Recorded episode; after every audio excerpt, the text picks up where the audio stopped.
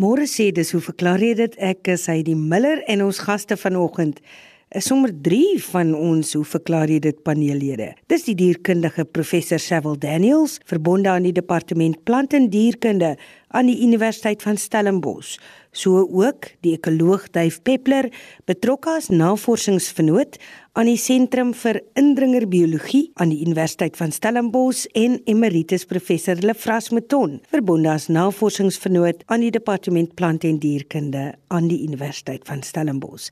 Sewel het 'n brief van Desrey Sauer van Lepelale ontvang. Ek lees hom voor vir jou. Ons hond het nog nooit kleintjies gehad nie. Ons kry toe 'n klein hondjie, 'n German Shepherd, en ons ander hond wat 'n kruising is tussen 'n border collie en 'n jack russell, gaan lê toe in die klein hondjie se hok. Die volgende dag sien ons dat die klein hondjie drink aan die ouer hond. Ons kyk toe en skielik het die nuwe mamma melk. Sy tree op asof die klein hondjie haar kind is. As die kleiner hondjie by die deur uitloop, loop sy saam. Goeiemôre Heidi, goeiemôre kollegas en aan die luisteraars. So die vraag is werklik vanoggend indien die teef nou nie dragtig was nie, hoe kan sy melk produseer? 'n Baie interessante vraag. Nou by soogdiere soos ons weet, is daar gewoonlik melkproduksie wat dan nou plaasvind na daar 'n werpsel uh, gebore word, maar daar kan ook ander fisiologiese redes wees vir die teenswoordigheid van melk of 'n melkagtige of 'n wit vloeistof. Daar is basies 3 redes wat hiervoor um, in literatuur in elk geval aangewend word ter verduideliking. Nommer 1 is 'n vals swangerskap. Dit kan lei tot melkproduksie gewoonlik as gevolg van 'n meganiese stimulasie van die borskliere, die die mammokliere. En in my opinie is dit die mees waarskynlike rede wat ons hier observeer. Die nuwe hondjie probeer uit die aard van die saak suig by die teef wat dan nou vir hom aanneem gaan ek nou sê as gevolg van 'n gebrek aan 'n beter woord. So die meganiese stimulasie van die borskliere is dan nou verantwoordelik mees waarskynlik vir die verskynsel van melk wat die eienares dan nou sien. Um die tweede rede wat in literatuur aangevoer word is hiperthyroidisme. Met ander woorde die tiroïedklier gaan essensieel uit balans uit. Met ander woorde daar's hormonale versteurings. Dit vind gewoonlik plaas wanneer die dier ouer word, die metabolisme neem af, daar is 'n toename in gewig en by hierdie kondisie kan 'n mens ook sien dat daar um, melk geproduseer word. En die derde en laaste rede wat in literatuur aangevoer word is natuurlik wanneer daar 'n mammoklier groeisel is, dit kan ook uh essensieel lei tot hierdie teenwoordigheid van 'n melkagtige vloeistof uh wat geproduseer word by die spene van die diere. So Desrey in my opinie is dit mees waarskynlik 'n vals swangerskap en die meganiese stimulasie van die bors deur die klein hondjie wat die melk veroorsaak wat julle dan nou um essensieel sien. Dan wil ek ook sommer net sê hier ten laaste, dit sal baie keer help en hierdie is net 'n algemene opmerking.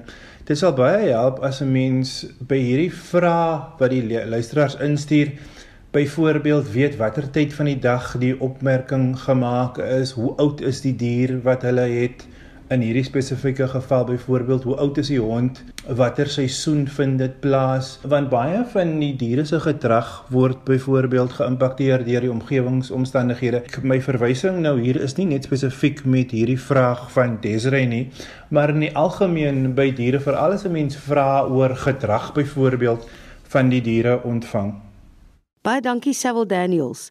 Dave Peppler is volgende aan die beurt. Sy vraag lees hy self voor. Chris Storm in Kleinmond 'n interessante epos en hy skryf tydens die vorige broeiseisoen waggel twee kolganse met 'n klompie kuikens rustig oor die strate in my huis en die huise van die oorkantste bure. Skielik storm 'n klompie tarantale wat in my werf gestop het, die kuikens en probeer om hulle dood te maak deur hulle te pik en soos lappe in die lug te gooi. Die kolganse het met klappende vlerke en luidruftige gekwaak hulle kroos probeer verdedig teen hierdie ewe remoerige tarantale. Omdat ek gewoond is aan die kolganse se lawaaiigheid, steur ek my aan die altyd daaraan nie en ek het eers van die spektakel bewus geword toe een van my goeie bure my afbinde storm om die tarantale met 'n paar swaar weerwoorde te verwilder. Ek het dus self nie die spektakel gade geslaan nie, maar het gesien hoe die trotse kolgansfamilie stadig en statig straat af die tog afblaas. Hoe verklaar 'n mens hierdie gedrag en waarom sou tarantale kolgans kykens as 'n bedreiging beskou? Chris, ek het moet lank gedink hieraan en kom ons bekyk net baie kortliks die twee wêrelde van hierdie twee rolspelers. Die kolgans Alopeshen Egyptiagus is 'n alombekende voël uh wat ons ken as gevolg van raserigheid, hulle het stede binne getrek, enige plek waar daar water is, groot pink voete en ras, jy weet dis daai ha ha van die wyfie maak en die mannetjie maak natuurlik so mens kan die geslag onderskei. Um en dat hulle ook 'n kak kak kak kak kak voor hulle opstyg. Met ander woorde waar daar koolgase is, klink die wêreld altyd Kaaps vir my, want jy weet daarvan. Hulle neem groot neste oor soos hamerkop en roofvoëlneste en dan lê hulle 'n um, groot aantal eiers op baie keer tot 15 of 20 en dan gebeur 'n merkwaardige ding. Dis gewoonlik hoog in 'n boom teen 'n kraans of op die dak van 'n huis, letterlik binne ure nadat die kuikens uitgebroei is, spring hulle aangepoor deur die ouers oor die rand van die nes en val dan grond toe met die vlekkies en voetjies versprei. Omdat hulle so donsig is, onderskep hulle die lug en val gewoonlik nooit hard nie. Nou en dan vind mense een wat 'n klip tref, dan lê hy kat swink en mense probeer hulle red. Maar binne enkele minute staan die dingetjie op en stap agter sy ma en pa aan. As 'n mens nou kyk na hulle voeding en hulle voorkeurvoeding, dan is dit sagte grasies. En sagte grasies beteken eintlik ook graan. Hemel weet alleen in die koue bokkeveld het ek al gesien in die dae toe ek gejag het dat die lug donker word van kolgaans. En waar hulle gaan sit, vreet hulle hektare plat en die wat hulle nie opvreet nie, trap hulle plat met daai pink voete. Met ander woorde, dit is ook 'n probleemspesie. Kyk 'n mens na die tarantaal egter, enige iemand wat al ooit in enige gastehuis wat weet daar's tarantaal veer kussing uh langs aan uistervarkpenne, maar dis 'n hoenderagtige voel, grondvoel hoofsaaklik alhoewel hulle sterk kan vlieg. Uh, hulle het baie kenmerkende vere, die donker byna swartblou met die wit kolletjies op. Vorm ook baie groot troppe. Mens weet in die uh sonneblomlande van die Vrystaat dat hulle in hulle honderde of selfs duisende kan voorkom. Maar nou, dink 'n bietjie hieraan. Wat vreet hulle? Hulle vreet saad, bessies, maar hulle vreet ook insekte, um slakke, wurms en bosluise mens sien hulle soms by vlakvarke waar hulle nader spring en goue bosluis afpluk. Nou hulle lê ook baie eiers ook tot 20 en na 14 dae kan die kleintjies begin vlieg. Maar kom ons stel die twee nou teen mekaar op, 'n suiwer plantvreter die konga en 'n gemengde vreter die tarantaal. Nou, waar ek die sleutel tot my antwoord gekry het was in jare her toe my kinders baie klein was, het ek Potchefstroom koekoekhoenders aangehou, 'n stuk of 40 henne, pragtige goed in 'n kampie op die universiteit se proefplaas welgeval in en daar was 'n stoorkamertjie waar die hoender kos nou gedoen, mielies en die leemeel en wat ook al. Elke nou en dan moes ek die muise en rotte probeer beheer want voilà, kos opgegaar is, sal mens altyd 'n probleem hê. En tot my absolute verbasing, die oomblik as daar 'n huismuis, 'n groterige ding, 2 of 3 cm lank, uitgehaal het, het die henne eenvoudig hysteries geraak en hom uh, ingejaag, gepik, doodgeslaan teen die grond met die bek en dan huitjie en muitjie ingesluk. Ek mag verkeerd wees, maar ek het 'n vermoede dat die klein kolgasies baie baie knap na hulle uitgebroei het begin stap het agter hulle ma enkele ure na hulle uitgebroei is. Hulle is heel moontlik baie klein en ek het 'n vermoede dat die groep tarantale die dag of honger was of hulle eenvoudig gesien het as 'n voedselbron. Nou, ek kan in die literatuur geen verwysing kry na 'n tarantaal wat 'n klein voeltjie uh sou vreet nie, maar dit sou my glad nie verbaas gegee die gedrag van hierdie hoenderagtige voëls wat gemengde voeders is dat hulle wel um vleis in plaas van groente sal eet nie. So, hier is my hipotese en ek hoop uh Chris dat dit in 'n mate jou vraag beantwoord. Dankie aan Dave. Lafras het twee vrae. Die tweede een lees hy self voor. Ek lees die eerste een vir jou voor. Marina Gericke het vir ons 'n foto van 'n voël asook 'n snaakse gogga gestuur en oor elk het sy 'n vraag. Die eerste vraag gaan oor die voël. Marina skryf: "Die voël op die foto is die wyfie. Ons hond wou met haar speel en het dit toe oordoen. Sy en die mannetjie wou nes maak op ons bure se dak. Die mannetjie het pragtige blinkblou vere soos 'n spreeu met 'n langerige geel dun bek." In sy hofmaakproses het hy sy vlerke soos 'n waier uitgesprei en skril geluide gemaak. Hy maak ook verskillende mooi geluide en roepe. Kan jy asseblief sê watter voël dit is? Môre Heidi, môre luisteraars. Marina, volgens die foto lyk dit of jou hond baie lekker met die voël gespeel het, want die is omtrent nat gelek. Dit maak nou vir my identifikasie van die voël baie moeilik. Die geel snavel laat my egter vermoed dat dit dalk die Europese spreeu Sturnus vulgaris mag wees. In die broeityd is hierdie spesies se snavels geel en hulle het dan ook 'n glansende groen en pers verekleed. Voëls wat nie broei nie, het donkerder snavels en is valer van kleur met spikkels. Die Europese spreeu is in 1899 deur Cecil John Rhodes die land ingebring en vanaf Kaapstad het dit geleidelik dan ook na die binneland begin versprei. Vandag kom dit oor 'n groot deel van Suid-Afrika voor met uitsondering van die meer noordelike dele. Ongelukkig noem Marina nou nie waar sy woon nie.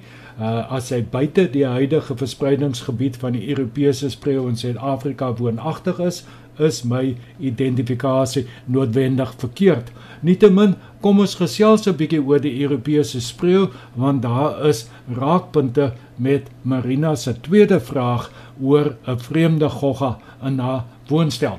Die voel, dis nou die Europese spreeu se hofmaakgedrag wat Marina beskryf, het ek alself waargeneem. Hierdie voël maak ook allerlei interessante geluide en is bekend daarvoor dat dit ook ander voëls se geluide kan namaak. Op 'n minder aangename noot, die Europese spreeu is 'n berugte draer van ektoparasiete.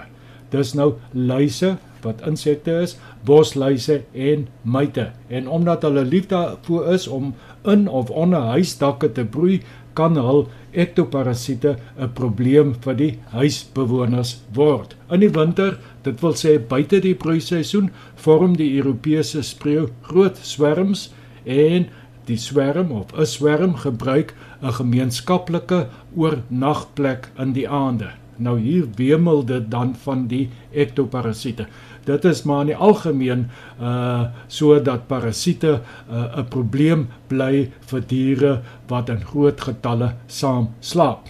Kom die broeiseisoen, breek die groot swerm op in kleiner groepies of enkelpare en as hulle nou onder huise se dakke broei, bring hulle 'n klomp ektoparasiete saam en wanneer hulle klaar gebroei het en die kleintjies nou die nes verlaat het, bly daar 'n klomp parasiete en hul eiers in die neste agter. Onder geskikte warm toestande sal die parasieteiers in groot getalle uitbroei en as daar enige moontlikheid is om die huis vanaf die plafon binne te kom, sal hulle dit doen en in hul soeke na 'n bloedmaal hul aandag op die inwoners van die huis toespits.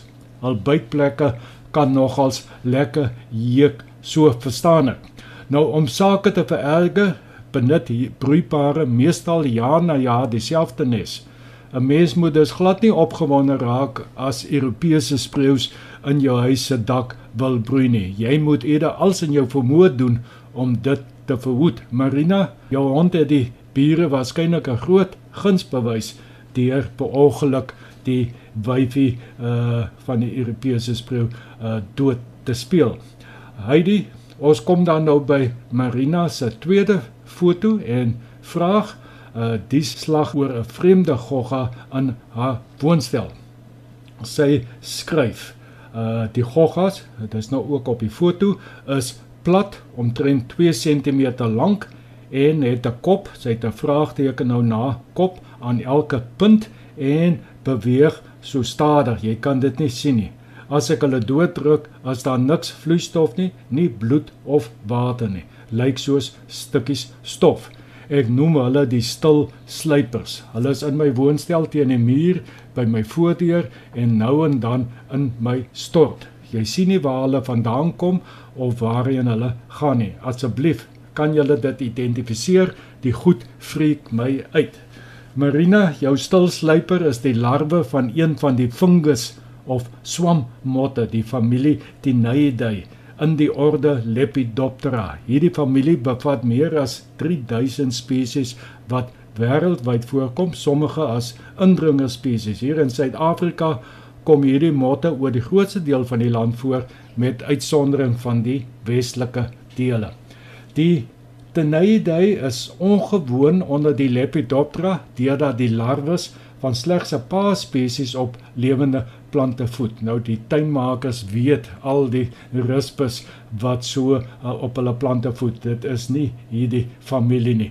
Die meerderheid van hierdie familie voed op fungusse of swamme, uh ligene en ook belangrik op keratin soos teenwoordig dan nou in vere, hare, horings en vel. Van hierdie motte wat op keratin voed, staan bekend as kleremotte omdat hulle groot skade kan aanrig aan kledingstukke en ook matte wat vesels van dierlike oorsprong bevat. Marina se gediertjie is die larwe van een van hierdie kleremotte, die spesies Tinea peleonella, in Engels ook bekend as die case making of of case bearing clothes moth. Die rede vir hierdie naam sal nou-nou duidelik word. Nou hierdie kleremot is relatief klein met 'n vlerkspan van so 10 tot 15 mm en is vaal van kleur met 3 donker kolle op die vlerke. Na die volwasse mot nou uit die papie gekom het, lewe dit nie lankie, net so 'n week of so, maar dit is lank genoeg om te paar en vir die wyfie om so 40 tot 50 eiers op matte of op kledingstukke van natuurlike vesel soos wol byvoorbeeld te lê. Hulle kan ook al eiers in voelneste lê. Dis baie belangrik want vere bevat ook keratin. Uh wanneer die eiers uitbroei, begin die larwes op die natuurlike vesels te voed en kan groot skade aan matte en kledingstukke veroorsaak. Kunsmatige vesel kan ook soms 'n deurloop. Nou die interessante verskynsel, die hierdie larwe bou vir homself so 'n plat houer uh met sy eie sydrade en stukkies materiaal wat hy verkry uh van wat hy ook al besig is om te voed of dit nou stukkies wol of wat ook al is. Die houer het 'n opening aan elke kant waardeur die voorste deel van die larwe se lyf, dit wil sê sy kop en die drie pote gesteek kan word om te voet aan daardie kant en ook om te kan uh vorentoe te kan beweeg. Die larwe kan egter binne in die houer omdraai en dan sy kop en pote deur die opening aan die teenoorgestelde kant van die houer druk om ook daar te eet of in daardie rigting te beweeg. Marina se waarneming van 'n kop aan elke kant maak dus sin in die lig hiervan. Die houer bied beskerming aan die larwe en skep ook 'n 'n lekker donker skuilplek in die dag want hulle hou nie van lig nie. Die larwe verlaat nooit hierdie houer nie. Dit word oral met hom saamgesleep amper soos 'n slak wat sy skulp met hom saam dra. Die afgeplatte vorm van hierdie omhulsel laat natuurlik die larwe toe om gemaklik daarin te kan omdraai. Uh, Marina noem dat wanneer sy die gogga dooddruk, daar geen vloeistof is nie, net droë stof.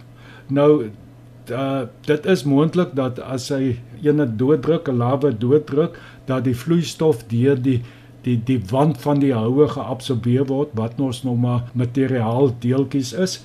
Die ander moontlikheid is dat sy soms so 'n dop of 'n houe dooddruk in aanhalingstekens. Daar's glad nie meer 'n larwe binne nie. Die metamorfose het klaar plaasgevind en die moetjie het klaar die die houer verlaat en dit is dan nou net die leë houer wat sy nou dooddruk. Afhangende van omgewingstoestande kan die larwe tot so lank as 3 maande neem voor dit nou 'n papie vorm om in 'n uh, 'n volwasse mot te uh, verander of te ontwikkel net vir metamorfose om plaas te vind gedurende hierdie tyd kan hierdie larwes dus aansienlike skade aan matte, gordyne, klere en stoffering veroorsaak. So Marina, dit is nou maar slegte nuus vir jou, maar jy sal dadelik moet ondersoek instel na die na die bron van van die infestasie. Met ander woorde, waar is die larwes doenig? Is dit in die klerekas en die linnekas? Uh is is hulle besig om op die die die mat te voed en so meer. En onthou, die larwes mag moontlik ook afkomstig wees van 'n voëlnes uh in die dak of onder die geete. Die eerste stap, sou ek dink, sal wees om met die stofsuier in te spring en al die donker hoekies uh veral dan onder die meubels en selfs ja, al daardie plekke wat mense nie normaalweg sou sal stofsuig nie om om daarso 'n uh, deeglik uh, stof te suig en dan onthou om die stofsuier sak na so 'n suig sessie weg te gooi, né, want hy mag dalk nou vol uh, larwes en ook eiertjies wees. As dit nou nie die gewenste uitwerking het nie, kan meer drastiese stappe soos 'n geskikte insekdode oorweeg word. Uh ek dink die beste sal wees om dan nou in so 'n geval raad by 'n pestbeheer instansie te kry. Baie dankie Lefras, so ook aan Sewil Daniels en Dave Peppler vir vandag se hoe verklaar jy dit program. Hoop jou Sondag is vreugdevol en rustig en ons maak aanstaande week weer so. Intussen stuur vir ons jou vrae na heidi@rsg.co.za of jy kan skryf hoe verklaar jy dit posbus 2551 Kaapstad 8000. Groete.